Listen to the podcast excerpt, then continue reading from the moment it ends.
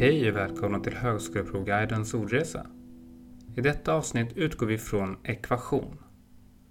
Ekvation inom matematiken handlar om när två uttryck är likadana, eller annorlunda uttryckt, när det går att sätta ett likhetstecken mellan två uttryck.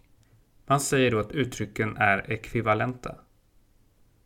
Det hela kommer sig av att ekvi i ekvation och ekvivalent betyder lika.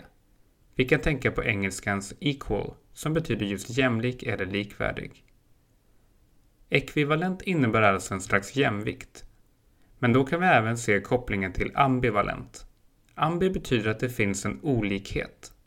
Valens betyder värde och ambivalent betyder alltså något som har olika värden. Eller med andra ord är i ojämvikt. Valens i sin tur kan kopplas till ord som valör, valuta och validitet. Alla ord för pengar eller äkthet. Vi kan också säga att likvärdig kan innebära att två sidor balanserar perfekt. Därmed kan vi se hur ordet ekvilibrist, som betyder balanskonstnär, blir fullständigt logiskt.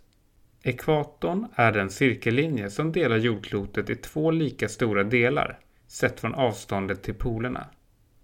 Även detta kan vi alltså förstå genom morfemet ekva. Någonting som anses tvetydigt eller vulgärt kallas ibland för ekivokt. Det betyder ursprungligen att någonting har två sidor eller två bottnar som bägge två är lika rimliga. Numera har det blivit ett uttryck för allting som anspelar på någonting snuskigt. Det var allt för denna gång och jag hoppas det var lärorikt. Nu en snabbrepris. I detta avsnitt har vi kopplat samman ekvation, matematiska uttryck med lika värde. Ekvivalent, likvärdig. Ambivalent, icke likvärdig, obalanserad. Valens, värde. Valör, pengar.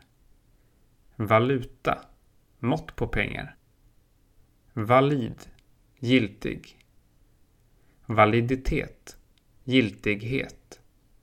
Ekvilibrist, balanskonstnär. Ekivok, tvetydig, oanständig. Tack så mycket för att du lyssnade. Gå in på hpguiden.se om du vill besegra högskoleprovet. Glöm inte att lämna ett omdöme om oss på iTunes. Hej då!